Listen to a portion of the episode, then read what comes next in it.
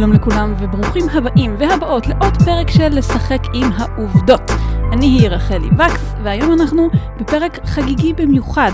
חברות וחברים, אתם מאזינים ברגע זה לפרק 12 של הפודקאסט, ובהתחשב בזה שאני מוציאה פרק פעם בחודש, אנחנו חוגגים היום בעצם שנה שלמה של לשחק עם העובדות, שזה ממש מרגש. אני חושבת שזה מצדיק קולות של מסיבה.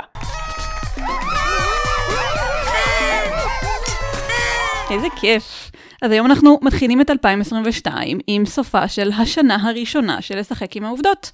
ואני לא יודעת מה איתכם, אני אוהבת לחגוג דברים עם טיולים. אז לאן ניסע? אני מציעה שנטייל באיי הגלפגוס.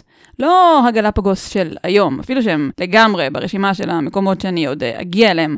אנחנו נטייל בגלפגוס של 1835, הרבה לפני שהגיעו לשם כל התיירים. אנחנו ניסע על אוניית הביגל, כביכול אוניית מחקר רגילה מאוד, חוץ מהעובדה שהיא כוללת חבר צוות יוצא דופן, שאת השם שלו כולם מכירים היום, האדון צ'ארלס דרווין. המסע הזה שדרווין השתתף בו, כשהוא היה רק בן 22, המסע הזה הוא זה שהוביל אותו בסופו של דבר להגות רעיון חדש ומעניין. רעיון שלפיו בעלי החיים והצמחים לא פשוט אה, נוצרו כמו שהם היום ונשארו ככה. אלא שהם uh, התפתחו, השתנו. רעיון שקיבל בסופו של דבר את השם אבולוציה. המשחק שאני אדבר עליו היום נקרא On the Origin of Species, כמו הספר המפורסם שדרווין כתב בסופו של דבר, uh, מוצא מינים בעברית. זה כנראה המשחק הכי פחות מוכר שדיברתי עליו עד כה, אבל הוא מספר יפה את סיפור המסע של הביגל, והוא מאפשר לנו לשוט ביחד איתה. אני גם אגיד ש... אם בהרבה מהפרקים אני עוברת בין אה, נושאים רלוונטיים שונים ומספרת אה, אוסף של אה, סיפורים קטנים כאלה ואחרים, הפעם, אחרי שאני אדבר קצת על המשחק, אני אספר סיפור אחד ארוך והמשכי ובעיניי מרתק. אז מוכנים? מוכנות? אני מקווה שכולם חובשים כובעים חגיגים כאלה ושהדלקתם זיקוקים קטנים כאלה, כי הנה אנחנו מתחילים.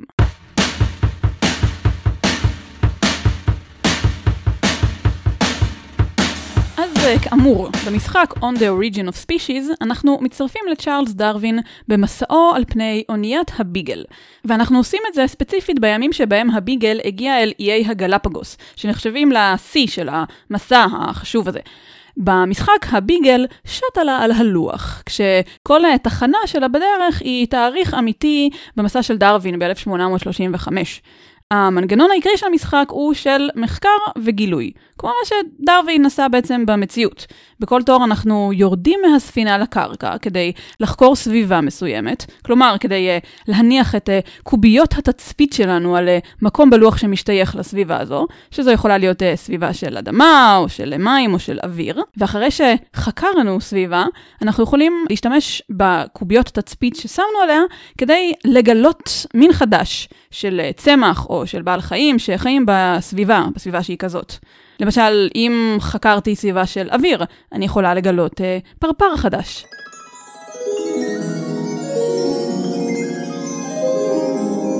ואלה מינים אמיתיים שגם דרווין פגש כשהוא בעצמו הגיע לאיי הגלפגוס עם הביגל. עכשיו, כשאנחנו מגלים מין, אנחנו מקדמים קצת את הביגל במסע שלה, ואנחנו מקבלים דברים כמו נקודות ניצחון וקלפים עם בונוסים.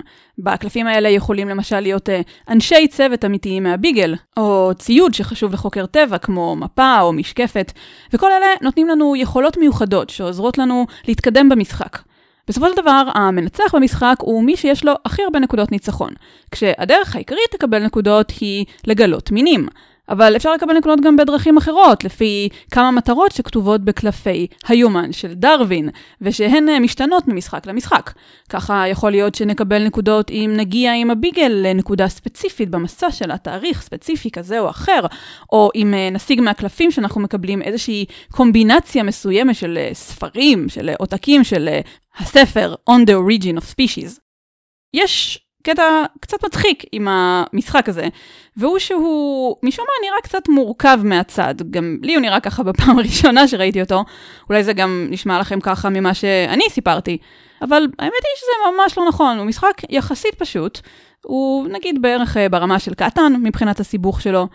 והוא נחמד והוא גם אסתטי מאוד כזה, ככל שאנחנו מתקדמים במשחק, הלוח מתמלא בעוד ועוד ציורים יפים של בעלי חיים וצמחים, וזה מאוד uh, נחמד, זה מאוד סימפטי לראות את זה, את החיות האמיתיות, הדברים המדעיים, כפי שהם נראים על הלוח.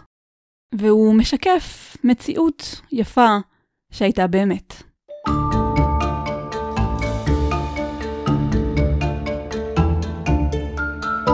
אז בואו ונעבור מהמשחק אל המציאות. כמו שכבר הבנתם, הביגל הייתה ספינה אמיתית, וצ'ארלס דרווין, האמיתי, הצטרף אליה, האמת, כמעט במקרה. אז uh, כדי להבין באמת את הסיפור הזה, שבסופו של דבר שינה את העולם וזה, אנחנו צריכים להתחיל מההתחלה. או אולי אפילו בעצם קצת לפני זה. בואו ונדבר קצת על הביגל ועל ההיסטוריה שלה, עוד לפני שדרווין שמע עליה בכלל. הביגל, או בשמה המלא His Majesty's Ship ביגל, אוניית הוד מלכותו ביגל, הייתה אונייה בריטית שנקראה על שם זן כלבי הציד ביגל. אתם יודעים, הכלבים האלה שהם קטנים בינוניים כאלה ובצבעי אה, לבן, חום שחור ועם אה, אוזניים קצת ארוכות, הם תמיד נראו לי אה, קצת משעשעים כאלה. אז הביגל, הספינה, היא נחנכה במקור בכלל בתור אוניית מלחמה ב-1820. וב-1825 היא הוסבה לספינת סקר, שהמטרה שלה, אגב, לאורך uh, כל הדרך, המטרה שלה הייתה לשרטט מפות ניווט של אזורים לא כל כך מוכרים ביבשת דרום אמריקה.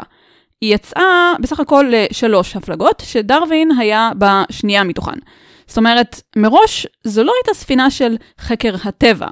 הקטעים של הטבע היו על הדרך כזה, בין אה, שרטוט מפות אה, כזה לאחר, אפשר היה גם לחקור קצת חיות.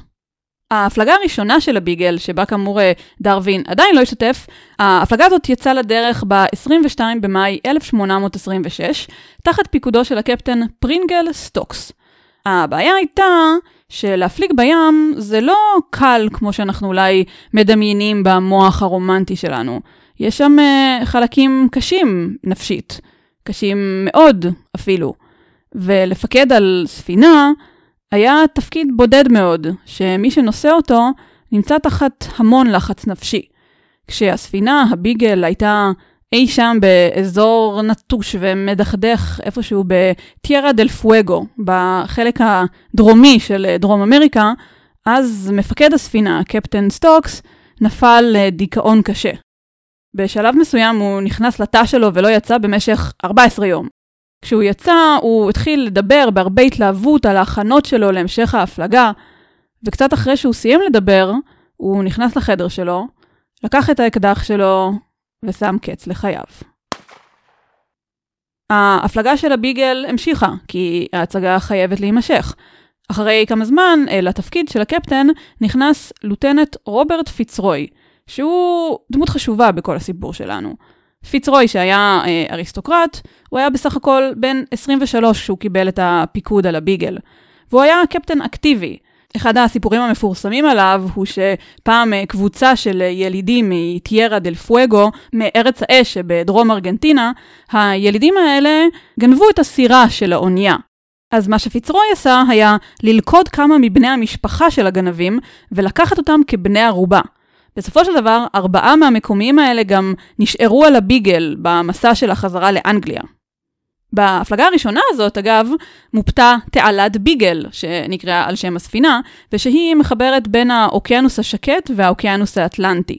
אם הייתם בדרום אמריקה וביקרתם בעיר אוסוויה שבדרום דרום ארגנטינה, הרבה ישראלים מגיעים לשם, אז אה, אוסוויה שהיא גם, אה, אגב, אה, יציאה טובה לאנטארקטיקה, אם למישהו בא, אבל זה כבר אה, נושא לפרק אחר, וסוויה נמצאת לחופי מפרץ ביגל.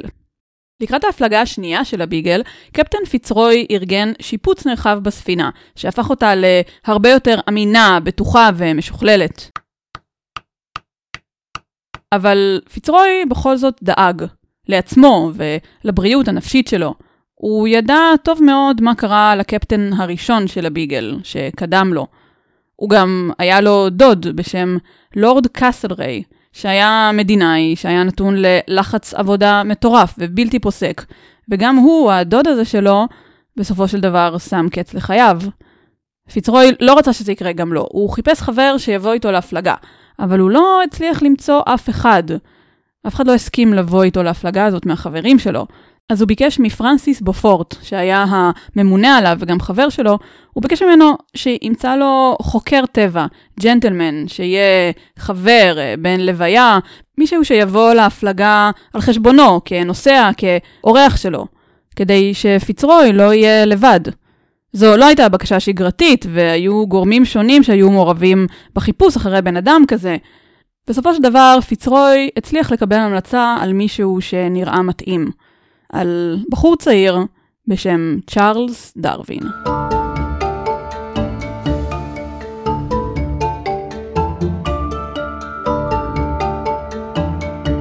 הרבה לפני שצ'ארלס דרווין הפך לאבי תורת האבולוציה, הוא נולד ב-1809, כבן למשפחה אנגלית אינטלקטואלית ועשירה.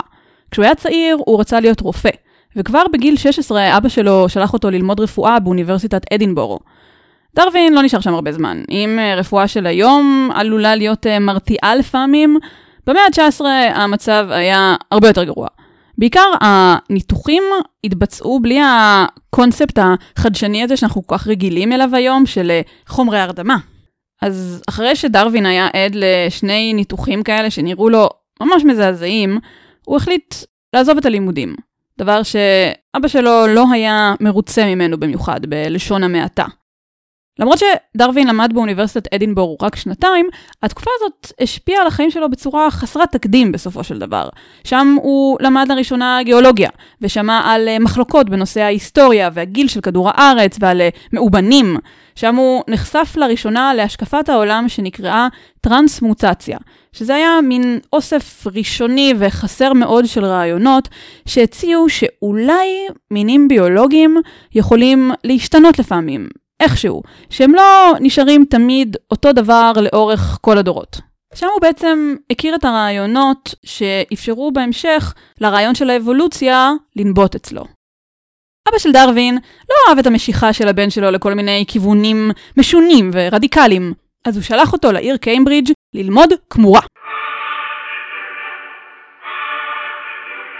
דרווין לא התעניין במיוחד בלימודים האלה, הוא הקדיש את הזמן שלו בעיקר להיכרות מעמיקה יותר עם הידע שהיה קיים אז בתחומים של הבוטניקה והגיאולוגיה. והוא התחיל בין השאר לאסוף ולמיין חרקים בצורה מאוד קפדנית, מה שנקרא אה, סימן לבאות. ומי יודע, אולי דרווין היה מסיים את ההסמכה לכמורה ומעביר את אה, שארית חייו בתור כומר כפרי עם אה, חיבה לטבע. אלמלא, הוא היה מקבל בקיץ 1831 מכתב יוצא דופן. מכתב עם הצעה שגם אליה אבא שלו התנגד מאוד, ולשכנע את האבא לקח לדרווין לא מעט עבודה. זה היה מכתב עם הזמנה להצטרף אל ההפלגה באוניית הביגל.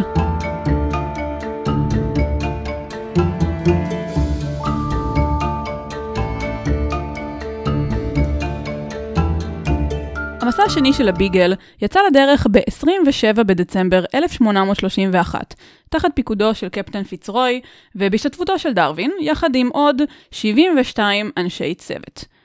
אנחנו יודעים הרבה על המסע של אה, דרווין, על הביגל, מהיומן שלו, שכאמור מופיע גם במשחק, ואנחנו יודעים הרבה גם מהמכתבים המפורטים מאוד שהוא שלח בחזרה לאנגליה. המסע התחיל בביקור באיי קייפ ורדה, שנמצאים אה, ממערב לאפריקה, ואחרי זה הביגל ממש הקיפה את דרום אמריקה. היא ביקרה בברזיל, והיא הגיעה לטיירה דל פואגו שבדרום, והצפינה לגלפגוס.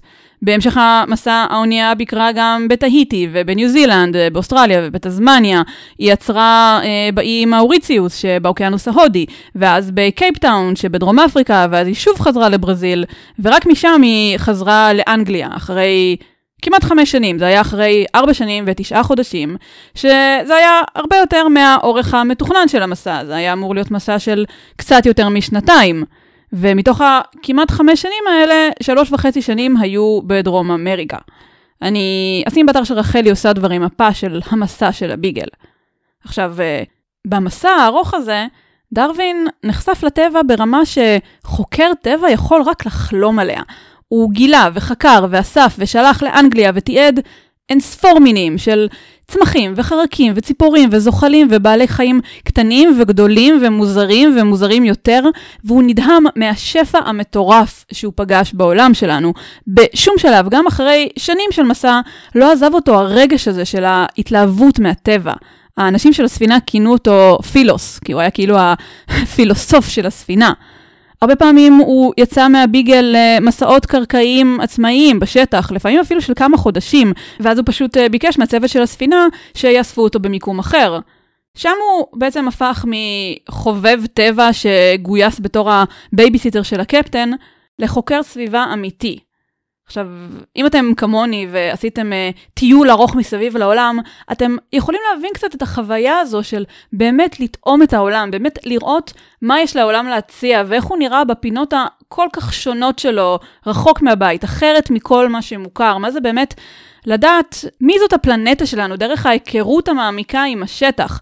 זה משהו שאי אפשר להבין מספרים או מהטלוויזיה או מתמונות או מחברים, רק מחמשת החושים שלנו ומהחוויה האישית הארוכה והמתמשכת של להיות שם. והמסע של דרווין היה אחר ממה שמישהי או מישהו מאיתנו יכולים לחוות היום. לא היו לו בדרך אה, הוסטלים ופורטרים ומסעדות ולונלי פלנט, וכן היה לו טבע פראי אמיתי וטהור. מהסוג שכבר אין באותה מידה היום, כשההשפעה האנושית הישירה והעקיפה על הטבע ועל המגוון הביולוגי רק הולכת ומחריפה ועושה נזק ומשמידה. בארגנטינה, קצת דרומה מבואנוס איירס, דרווין מצא מאובנים של יונקי ענק שחיו פעם ביבשת ושנכחדו, והוא ראה שהיו להם נקודות דמיון עם בעלי חיים שעדיין קיימים, שזה הרי דבר שלא הגיוני שיהיה אם מינים לא משתנים והכל נברא כמו שהוא וזהו. זה היה אחד מרגעי ה"פה חשדתי" שלו. רגע חשדניסטי אחר היה קשור לריאה, זו ציפור שנקראת גם uh, ננדו. היא קצת מזכירה יען, אבל היא טיפה קטנה יותר. הוא מצא בדרום ארגנטינה ובצפון ארגנטינה שני מינים שונים של הריאה. ולא הגיוני הרי ששני המינים פשוט עשו הסכם שלום לחלוקת השטח בין שניהם. זה נראה לו מוזר מאוד. ורגע מבלבל אחר, שטוב, כמו אחרים כנראה שהתמשך לקצת יותר מרגע, רגע אחר היה כשהספינה הגיעה אל איי הגלפגוס, אל מה שכאמור היה בדיעבד שיא המסע, והחלק של המסע שבו כאמור המשחק On the Origin of Species מתרחש. ובשביל זה אנחנו צריכים להגיד מילה על איי הגלפגוס. איי הגלפגוס הם קבוצת איים שנוצרה, כמו כל מיני איים מיוחדים אחרים ברחבי העולם, הם נוצרו כתוצאה מפעילות געשית.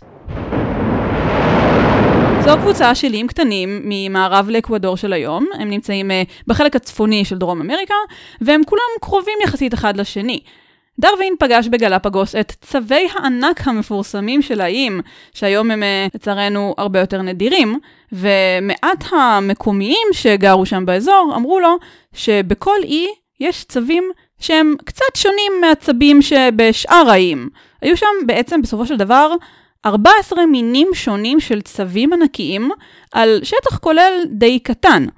דרווין מצא באיים האלה גם 13 מינים שונים של איזושהי ציפור שיר, שהם זכו לימים uh, לכינוי פרושי דרווין.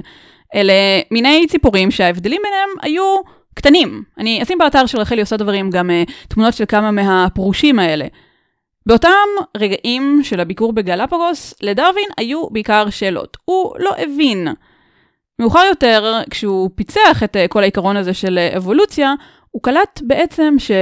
שלכל הצבים האלה היה אב קדמון אחד, מין קדום שממנו התפתחו כל המינים ששונים זה מזה, שכל אחד מהם מותאם לתנאים המאוד ספציפיים ששררו באי המאוד ספציפי שהוא הגיע אליו, שהוא חי בו. ואותו דבר גם עם הפרושים. הוא הבין שמינים משתנים ומתפתחים והופכים למשהו אחר בהתאם לסביבה שבה הם חיים, שגם היא משתנה. דרווין פגש במסע שלו גם בני אדם, הרבה בני אדם, מתרבויות שונות, בצבע שונה ועם אורח חיים שונה מאוד מאוד. ועד כמה שהוא נפעם מההבדלים האלה, מכל הצורות חיים האנושיות האלה שהוא לא הכיר בשום צורה, הוא גם הבין שאומנם יש ציפורים ממינים שונים ונבדלים באיים שהם ממש צמודים זה לזה, אבל בכל הנוגע לבני אדם, כולנו שייכים לאותו מין ביולוגי אחד ויחיד.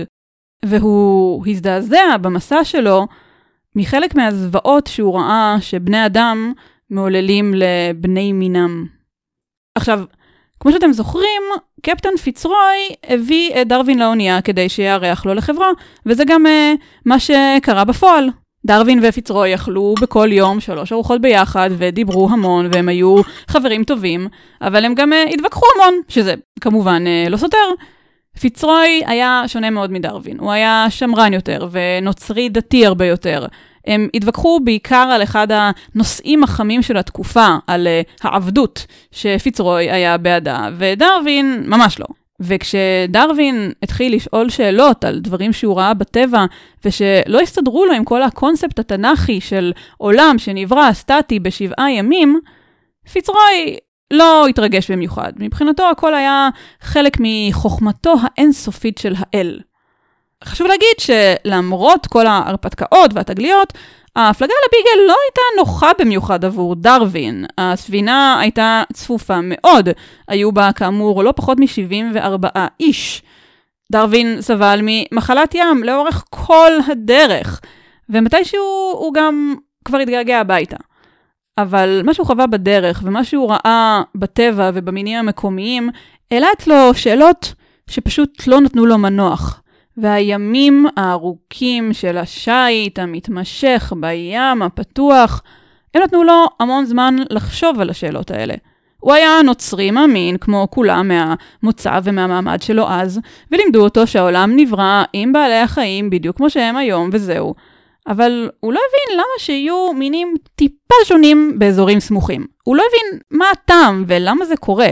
לקח לו זמן למצוא תשובה, אבל בסופו של דבר, כמו שקורה להרבה מאיתנו שטיילו, גם דרווין הגיע למסקנות מרחיקות לכת בעקבות הטיול הגדול שלו. רק שבניגוד לרובנו, המסקנות שלו שינו את העולם.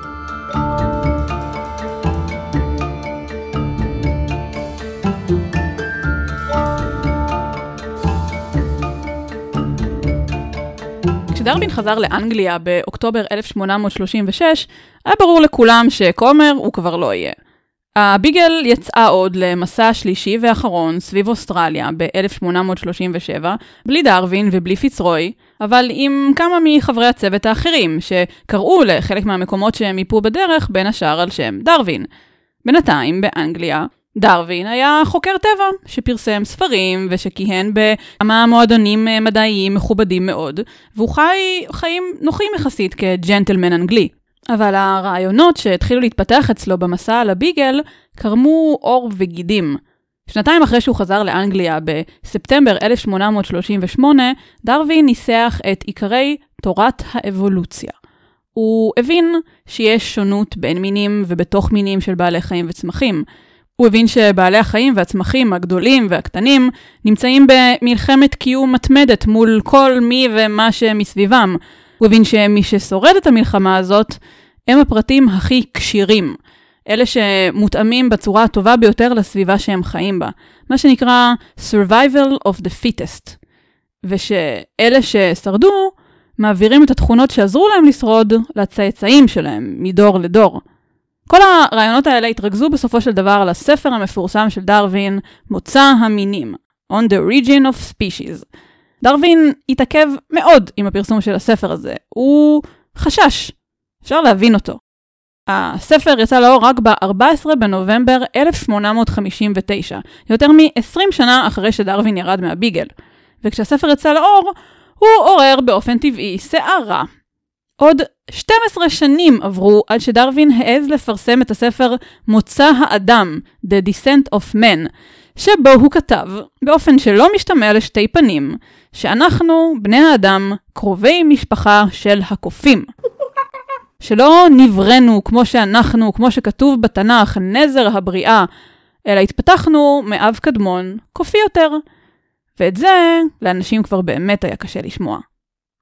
אחד מהאנשים שהיה להם קשה עם רעיון האבולוציה היה קפטן רוברט פיצרוי בעצמו, שאחרי ההפלגה השנייה של הביגל, פיצרוי המשיך לתפקידים אחרים, ביניהם מושל ניו זילנד. הוא התעמת מול דרווין כשמוצא המינים יצא לאור, בעיניו זו הייתה תיאוריה כופרת, הוא הרגיש נבגד, הוא חש אשמה על זה שהיה לו חלק בזה שדרווין הוציא לאור ספר כמו מוצא המינים. את הפרסום של מוצא האדם, פיצרוי כבר לא זכה לראות. ב-1865 הוא הוכרע על ידי הדיכאון שלו. הדיכאון שדרווין סיפק לו אתנחתות ממנו בשנים על הביגל, וגם הוא שם קץ לחייו. תורת האבולוציה המשיכה והתפתחה והתבססה גם אחרי דרווין. בתחילת המאה ה-20, כשהתגלה כל הקונספט הזה של גנטיקה, זה בכלל נתן פוש לאבולוציה, זה נתן הסבר מה בעצם הוא המנגנון שמאחורי הברירה הטבעית שדרווין סיפר לנו עליה. היום האבולוציה היא כבר בתכלס עובדה מדעית, היא הבסיס של הכל. וזה לא דבר רע.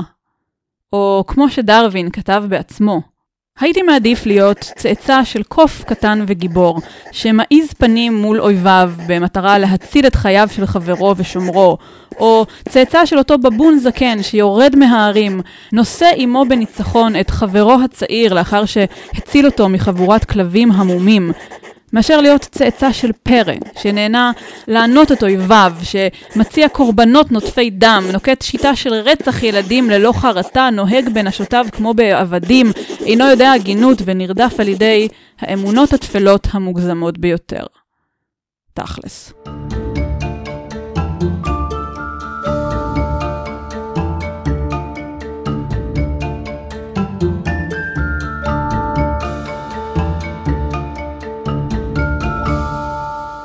אז הפרק הזה הולך לצאת קצת ארוך, כמו שקורה לי מדי פעם, יותר ויותר, אבל אני לא שומעת שמישהו מתלונן על זה. אבל רציתי לספר לכם את הסיפור הזה של הביגל, של ההתפתחות של דרווין כאדם וכחוקר, ושל האבולוציה כתיאוריה, כי הוא ממש מעניין לדעתי.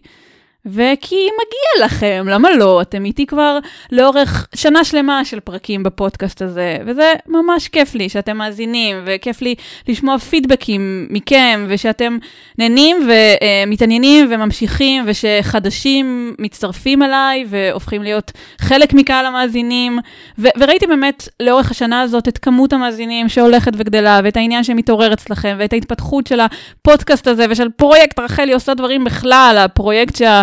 הפודקאסט הזה היה התוצר הראשון שלו, הפרויקט הקצת משוגע הזה שעלה לי בראש סתם ככה כשאכלתי בצהריים פסטה באיזו שבת, והבנתי שזה פשוט לא הגיוני שאני קוראת כל כך הרבה דברים מעניינים ולא מספרת עליהם לכולם. אז באמת תודה לכולכם שאתם איתי ושאתם מאזינים לכל השטויות ודברי החוכמה והעובדות והסיפורים והאנקדוטות והמילים והמשפטים שאני אומרת ושאתם קוראים את הסיפורים הקצרים והכתבות שאני מפרסמת ברחלי עושה דברים ואני מקווה שהשנה השנייה של רחלי עושה דברים ושל לשחק עם העובדות תהיה רק יותר מוצלחת ומשובחה וכיפית גם לכם וגם לי. אז כן, לסיום. אני רחלי וקס, והאזנתם ל"לשחק עם העובדות". וכרגיל, למי שעוד לא עשו את זה, אני אמליץ שאם נהנתם תעשו follow או subscribe או מה שצריך כדי לעקוב אחרי הפודקאסט באפליקציית הפודקאסטים שלכם, גם עם יוטיוב, ותעשו לייק לרחלי עושה דברים בפייסבוק, ובואו לאתר רחלי עושה דברים, רחלי.מי, r-a-c-a-g-l-i.me, או רחלי עושה דברים בגוגל, כמו שהבטחתי, אני אשים שם מפה של מסע ביגל ותמונות של כמה מפרושי דרווין, ויש שם כמו בפייסבוק את שאר הדברים המגניבים שאני עושה. ואם עשיתי לכם חשק לקנות את On the Origin of Species ולשחזר בעצמכם את מסע דרווין, אז יש לינק נוצץ לאי-ביי בתיאור הפרק, ואני אגלה לכם שבפרק הבא, על מה אני אדבר בפרק הבא? תנו לי לחשוב על זה כאילו שלא הכנתי לפני שנה רשימה של איזה 20 ומשהו פרקים קדימה, נראה לי שאני אלך על עולם תוכן שימושי.